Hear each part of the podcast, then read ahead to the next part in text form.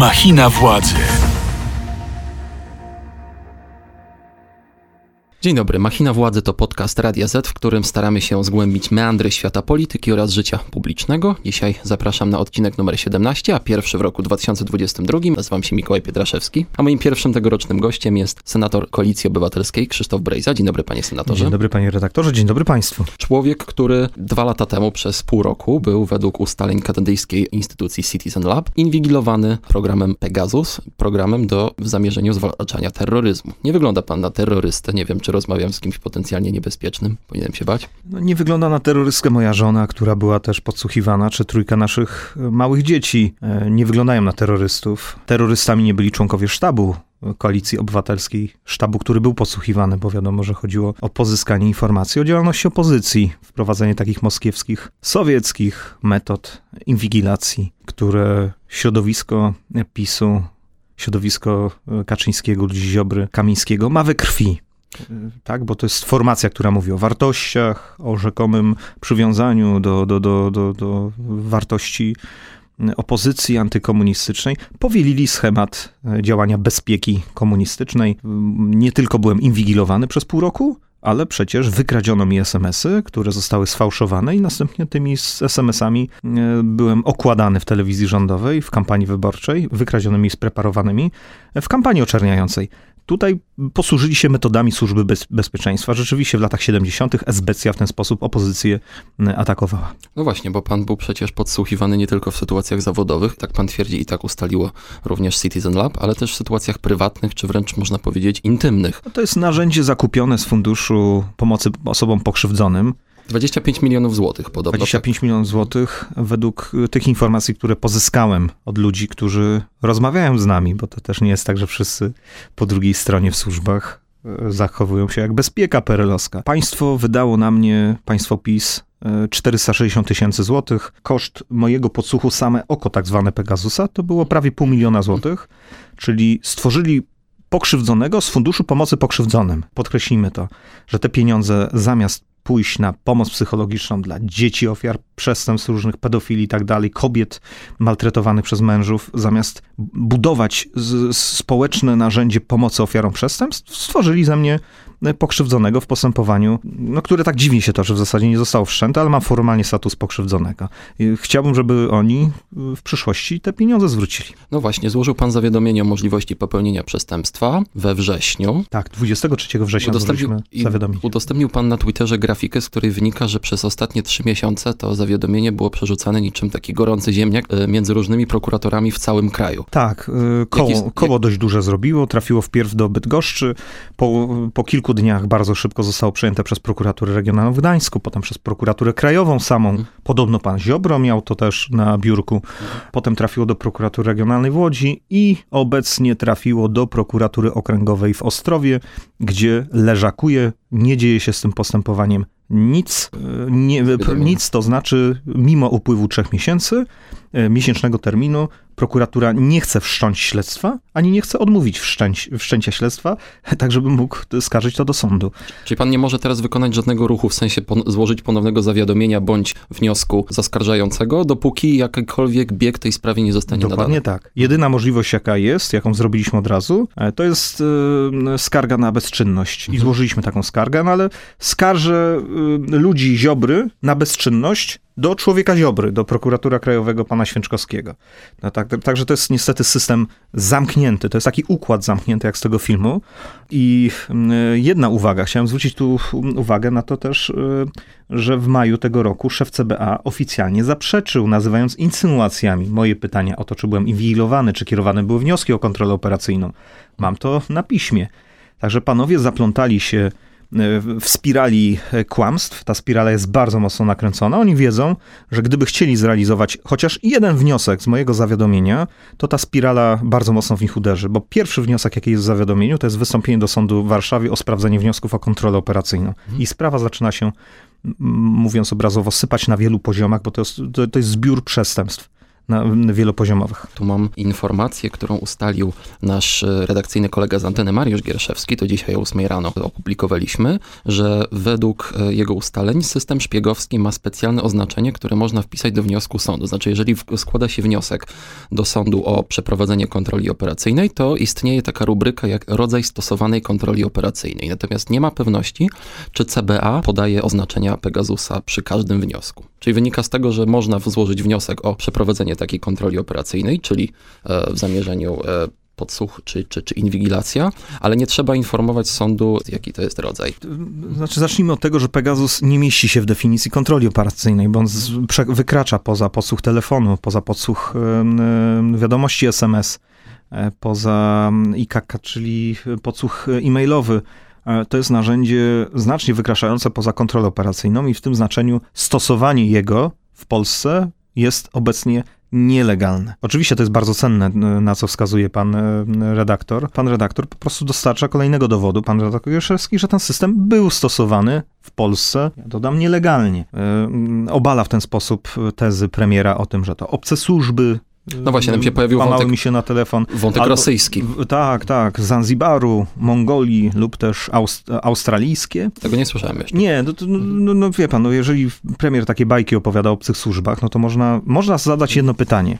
Kto miał interes w podsłuchiwaniu sztabu Koalicji Obywatelskiej w trakcie wyborów, bo ten podsłuch, permanentny monitoring 24-godzinny ustał kilka dni po wyborach. Tak? Pół roku, w tym trzy miesiące w kampanii wyborczej i cięcie zaraz po wyborach. No interes miała partia PiS. Po prostu było tak, że ludzie z NSO, z firmy zagranicznej, w 2019 roku zapewniali ich, że ta sprawa nie wyjdzie, a wyszła, ponieważ technika poszła do przodu i można dzisiaj z badań, badań Citizen Lab e, skorzystać. No właśnie, kiedy, cofnijmy się może do 2019 roku i do y, okresu kampanii wyborczej, jednej i drugiej, bo wspomina pan zarówno o wyborach europejskich, jak i parlamentarnych. Kiedy uświadomił pan sobie, że coś jest nie tak, że może pan być podsłuchiwany? Pan co, mieliśmy takie przypuszczenia, że gdzieś informacje ciekną e, Mieliśmy wrażenie, że konkurencja jest bardzo blisko nas. Podczas wyjazdów również terenowych pojawiały się dziwne osoby na konferencjach. Pamięta pan jakąś konkretną sytuację, kiedy zapaliła się panu lampka? Wie i... pan co, no konkretne sytuacje to były takie, że widziałem, że bardzo szybko telefon mi się rozładowuje. Były takie momenty, gdzie telefon mimo dobrej baterii bardzo w oczach spadał jego poziom załadowania baterii. No, no mówmy się, przez ten telefon przechodziły rozmowy i ze sztabami regionalnymi, i telekonferencje robiliśmy, i, i, i strategia kampanii, i, i założenia programowe, i taktyka, i akcje terenowe, ale nawet tak techniczne rzeczy, które wszyscy nasi słuchacze widzieli, jak E, kolorystyka kampanii wyborczej. To też wszystko przechodziło przez, przez nas, przez sztab. I o tym wszystkim wiedzieli ludzie PiS. Nie istniały jakieś takie zabezpieczenia, z których moglibyście skorzystać, żeby tego uniknąć? Czy Pegasusa się nie da tak łatwo zneutralizować? Pegasusa nie da się zneutralizować i nie da się przeprowadzić kampanii wyborczej e, bez komunikacji z ludźmi obecnie w Polsce. Jeżeli mieliśmy sztaby regionalne, to trzeba było łączyć się na telekonferencjach. Jeżeli trzeba było być w kontakcie z firmami doradczymi lub też e, z firmami od kampanii outdoorowych, e, w stałym kontakcie, szybko podejmować decyzje, no to kampanii wyborczej w państwie demokratycznym, tak dużym jak Polska, nie przeprowadzi się e, bez używania telefonu. Słuchasz podcastu Radia Z. No właśnie, mówi pan o kampanii demokratycznej. A wspomniał pan w jednym z wywiadów, w jednej z wypowiedzi medialnych jeszcze przed świętami, że te wybory z 2019 roku, e, miał pan głównie na myśli te wybory parlamentarne, nie były do końca wolne, uczciwe. Podtrzymuje pan tę opinię? Podtrzymuję tę opinię, ponieważ y, uczciwość przeprowadzenia wyborów y, ma taki wymiar i wolność też wyborów ma taki wymiar, można powiedzieć, sportowy. Każdy ma równe prawa y, i jest w sposób równy dopuszczony na, na jednakowych zasadach do, do zabiegania o głosy wyborców. I jeżeli w sporcie sędzia pomagałby jednej z drużyn na boisku piłkarskim, włączałby się do gry, albo kopałby przeciwników jednej drużyny, albo podawałby piłkę drużynie, albo nie zauważałby fauli, no to nie jest uczciwy mecz. Kampania nie była przeprowadzona uczciwie i w tym znaczeniu wybory nie były przeprowadzone tak jak w państwie demokratycznym i w tym znaczeniu PiS e, zdobył władzę w sposób nieuczciwy. Podtrzymuje pan też e, swoją opinię, że gdyby nie Pegasus, gdyby nie te działania, o których e, mówi pan, ale też właśnie Citizen Lab, prokurator Giertych, prokurator Wrzosek, to PiS mógłby nie mieć większości w Sejmie? Czy rzeczywiście nie to... Chciałbym, nie, nie chciałbym wchodzić w takie y, dywagacje. Bo ja cytuję pa, pana słowa, więc... Nie chciałbym, nie chciałbym tego wątku już rozwijać. To już rzeczywiście e, było, to jest nie do wyliczenia. Natomiast w pewnym momencie właśnie tak dwie sprawy. Inwigilacja przez 6 miesięcy i potem użycie SMS-ów spreparowanych przez władzę, taką metodą rosyjską, do uderzenia w szefa sztabu, żeby zmusić go do ratowania swojej kampanii w okręgu wyborczym, żeby sparaliżować sztab. Na tym polegała ta operacja służb. To była operacja służb, wymierzona w koalicję obywatelską, w wolne wybory. I w tym znaczeniu jak spojrzymy, to rzeczywiście nastąpił odpływ wyborców od koalicji obywatelskiej. No przecież ludzie byli bombardowani przez telewizję rządową w dwu, dwumiesięcznej kampanii e, informacjami o tym, jaki to ze mnie aferzysta, czego ja robiłem, a czego nie robiłem. E, I z pewnością miało to wpływ na odpływ wyborców od koalicji obywatelskiej. Dlatego te wybory nie były przeprowadzane w sposób uczciwy. Chociaż dodajmy, że bombardowani informacjami na temat koalicji obywatelskiej widzowie TVP byli już przez poprzednie trzy lata. No tak, tak, tak. To tutaj musielibyśmy wejść w ustawę, w misję publiczną i zadać sobie pytanie, czy telewizja jako spółka zobowiązana do realizacji misji publicznej, rzetelność, obiektywizm, wartości chrześcijańskie, czy, czy te wszystkie umowy zawierane na, na, na produkcję tych programów, umowy z pracownikami, którzy dopuszczają się takich rzeczy, e, no, związane są z realizacją misji publicznej. Wydaje mi się, że ta sprawa cywilna, bo założyliśmy sprawę o publikację fałszowanych SMS-ów przez telewizję, w sierpniu ruszył duży proces cywilny, e, wygraliśmy postępowanie zabezpieczające przed sądem E, kilka dni przed, przed świętami, ta sprawa będzie, mm, będzie takim e, najlepszym dowodem na stan telewizji i najlepszym, można powiedzieć, aktem oskarżenia na swój sposób wobec tego, że telewizja nie realizowała misji w ciągu ostatnich lat, tylko stała się tubą propagandową partii politycznej. Wy jako opozycja, nie tylko koalicja obywatelska, chociaż wy mówicie akurat o tym najgłośniej, ale ogólnie jako opozycja wnioskujecie o komisję śledczą w sprawie Pegasusa. W Senacie taka komisja może powstać, bo macie większość, aczkolwiek ona nie ma takich uprawnień jak sejmowa. Czy w takim razie w Sejmie, gdzie arytmetyka jest jednak przeciwko wam, liczycie na nagłośnienie sprawy, wiedząc, że jest ona teoretycznie przegrana, czy e, macie nadzieję, że na przykład wśród kukizowców albo też wśród posłów czy posłanek klubu PiS istnieje kilkoro tak zwanych ostatnich sprawiedliwych, którzy mogliby na przykład poprzeć taki wniosek. Nie byłem podsłuchiwany po to, żeby cokolwiek ustalić. Było to oczywiście przekroczenie uprawnień wielopoziomowe i jeden, jeden wielki worek z przestępstwami. I w, w, chciałbym, w tym, w, chciałbym, wierzę w to, że e, posłowie, będzie grupa posłów PiS, która zda sobie sprawę, że to, co mi zrobiono, zrobiono również im. Jestem o tym przekonany, że, że podsłuchiwani byli też posłowie PiS e, i wierzę w to, że oni zdadzą sobie sprawę, jak, do, jak, do jak esbeckiego schematu doszła władza PiSu i że to ich też spotyka. A przecież e, ten podsłuch nie był po to, żeby coś ustalić, ale żeby zebrać kompromaty, żeby poszukać czegoś, czym będzie można potem człowieka szantażować. A pana zdaniem posłowie czy posłanki... I przecież, e, przecież słyszymy, tu do, dokończę, mhm. E, słyszymy o metodach, jakimi rozbijano ludzi Jarosława Gowina, słyszymy o szantażach, słyszymy również o, o różnych sprawach obyczajowych, które w tle miały być rozegrane żeby, żeby, żeby ludzi od, od Gowina zniechęcić i przyciągnąć do większości e, pisowskiej. E, dlatego komisja jest potrzebna, żeby wyjaśnić nie sprawę nawet Brejzy, bo sprawa Brejzy to jest sprawa sztabu Koalicji Obywatelskiej, podsłuchiwany był sztab, e, ale żeby też sprawdzić, w jakimi metodami PiS pobudował większość parlamentarną. Czyli Pana zdaniem posłowie i posłanki Zjednoczonej Prawicy również mogli być w taki sposób potraktowani, w sensie mogli być inwigilowani przez rządowe narzędzia. Oczywiście Jarosław Kaczyński od lat pasjonuje się w zbieraniu haków. Znalazł sobie dwóch ludzi o podobnej konstrukcji psychicznej, czyli zamiłowaniu do e, podsłuchów, spisków, czyli pana Kamińskiego z Wąsikiem. Jest jeszcze pan Ziobro oczywiście. Przypomnijmy sobie, może młodsi słuchacze tego nie, nie, nie pamiętają, e, w jaki sposób potraktowano Barbarę Blidę. E, do czego doprowadzono z Barbarą Blidą. Przypomnijmy sobie 2007 rok.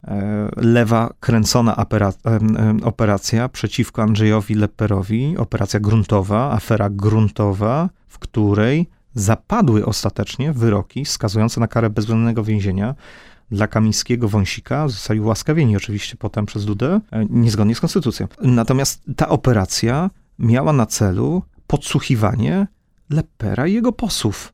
Tam doszło do wyroku, jest mowa o kilkudziesięciu wyłudzeniach zgód sądów na, na nielegalne podsłuchy. A mówimy o koalicjantach, a nie. A mówimy o koalicjancie. O, tu jest odpowiedź na to, czy panowie się podsłuchują i czy zbierają na siebie haki. Przecież chodziło o to, żeby w tamtej sprawie afery gruntowej również zebrać jakieś kompromaty na ludzi Lepera i prawdopodobnie na samego Andrzeja Lepera. No właśnie, politycy PiS, przedstawiciele obozu rządowego, bagatelizują tę sprawę. Y, obracają w żart, mówią o konsolach Pegasus z komunii.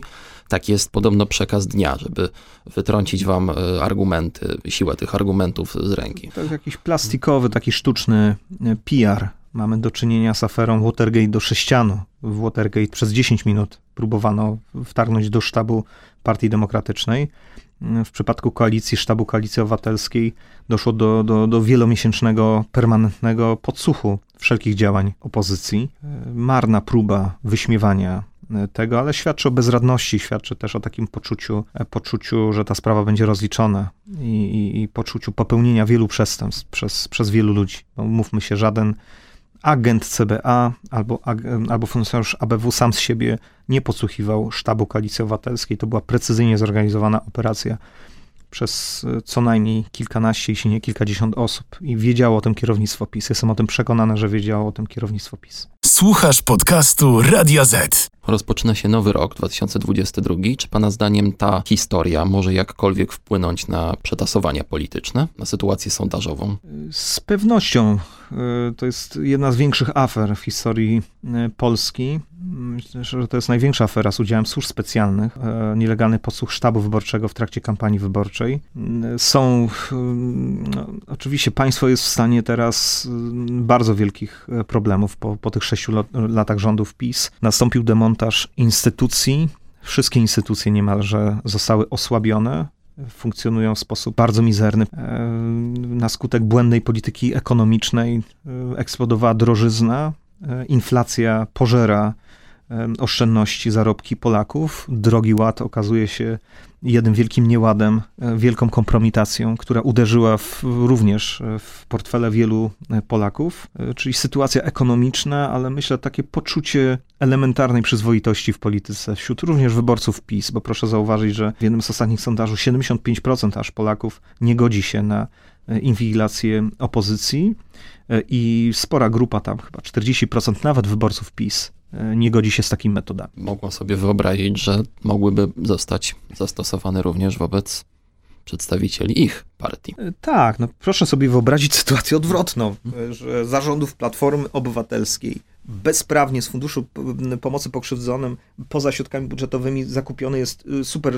sprzęt do szpiegowania, i Jarosławowi Kaczyńskiemu służby Platformy włamują się do telefonu, zabierają jego SMS-y, zostaną one spreparowane i w telewizji zarządów Platformy w trakcie kampanii Jarosław Kaczyński przedstawiany jak, jako aferzysta z preparowanymi, wykradzionymi nielegalnie materiałami. To jest obraz sytuacji, do której doszliśmy. To jest też pytanie o standardy.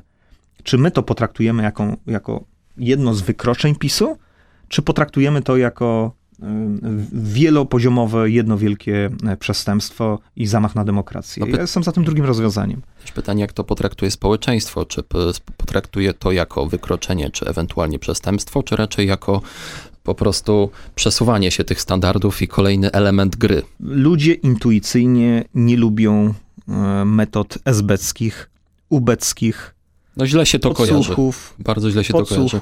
donosicielstwa, takiej metody Stanisława Anioła z alternatyw. No, panowie zamienili się w takiego Stanisława Anioła, który korespondencję y, tam nad czajnikiem, nad parą y, rozkleja. No, mają coś w tym genotypie, to jest bardzo ciekawe. To zamiłowanie właśnie do, do, do podsłuchiwania, takiego spiskowania i, i zbierania haków, brudów zamiast zająć się rządzeniem, wie pan, no, no wrócę do tego funduszu pokrzywdzonym. Myślę, że ta operacja wobec mnie przez rok kosztowała więcej niż pół miliona złotych, bo to byli ludzie, którzy też siedzieli przez pół roku na etatach, odsłuchując to wszystko. No, powiedzmy, że to mogło być nawet 700 tysięcy złotych, tak? Plus jeszcze dodać operację y, przeciwko Romanowi Giertychowi Plus, prokurator tak, Wrzosek. to co zrobili z Romanem Giertychem przez panią prokurator Wrzosek. No ale na, za 700 tysięcy złotych naprawdę można pomóc wielu ofiarom przestępstw w Polsce, zapewniając im chociażby pomoc psychologiczną, szkolenia, wsparcie państwa, wsparcie również materialne, a oni te pieniądze przepalili na swoje ubeckie zabawy. Zaprzeczają. Twierdzą, że wcale tak nie było, że. No, no kłamią. No co, co mogą oni zrobić? Szef CBA kłamie, premier kłamie, e, motają się e, w swoich wyjaśnieniach. E, minister jeden mówi, że nie mają Pegasusa, drugi mówi, że nic nie pamięta. Że nie wie, co to jest Trzeci Pegasus. poseł PiS mówi, mówił w 2019, że mają, że, że, że kilkunastu funkcjonariuszy bardzo precyzyjnie wskazywał, ilu funkcjonariuszy CBA go obsługuje jedna wielka spirala kłamstw. Weszliśmy też w ten wątek futurologiczny, no to może zadam panu rytualne pytanie, które zadajemy prawie każdemu naszemu gościowi. Czy pana zdaniem będą przyspieszone wybory do parlamentu, czy raczej się na to w tym roku nie zanosi? Wydaje mi się, że tych wyborów nie będzie, że ta władza będzie e, trwać że w tym systemie, takim bardzo, takiej bardzo poklejonej przez Jarosława Kaczyńskiego e, kuli władzy ulepionej takimi brudnymi metodami, które są spoiwem, gdzie jest i prokuratura, i komisje wyborcze, i służby specjalne, i media rządową, taką kulę brudnych metod e, stworzył do sprawowania władzy.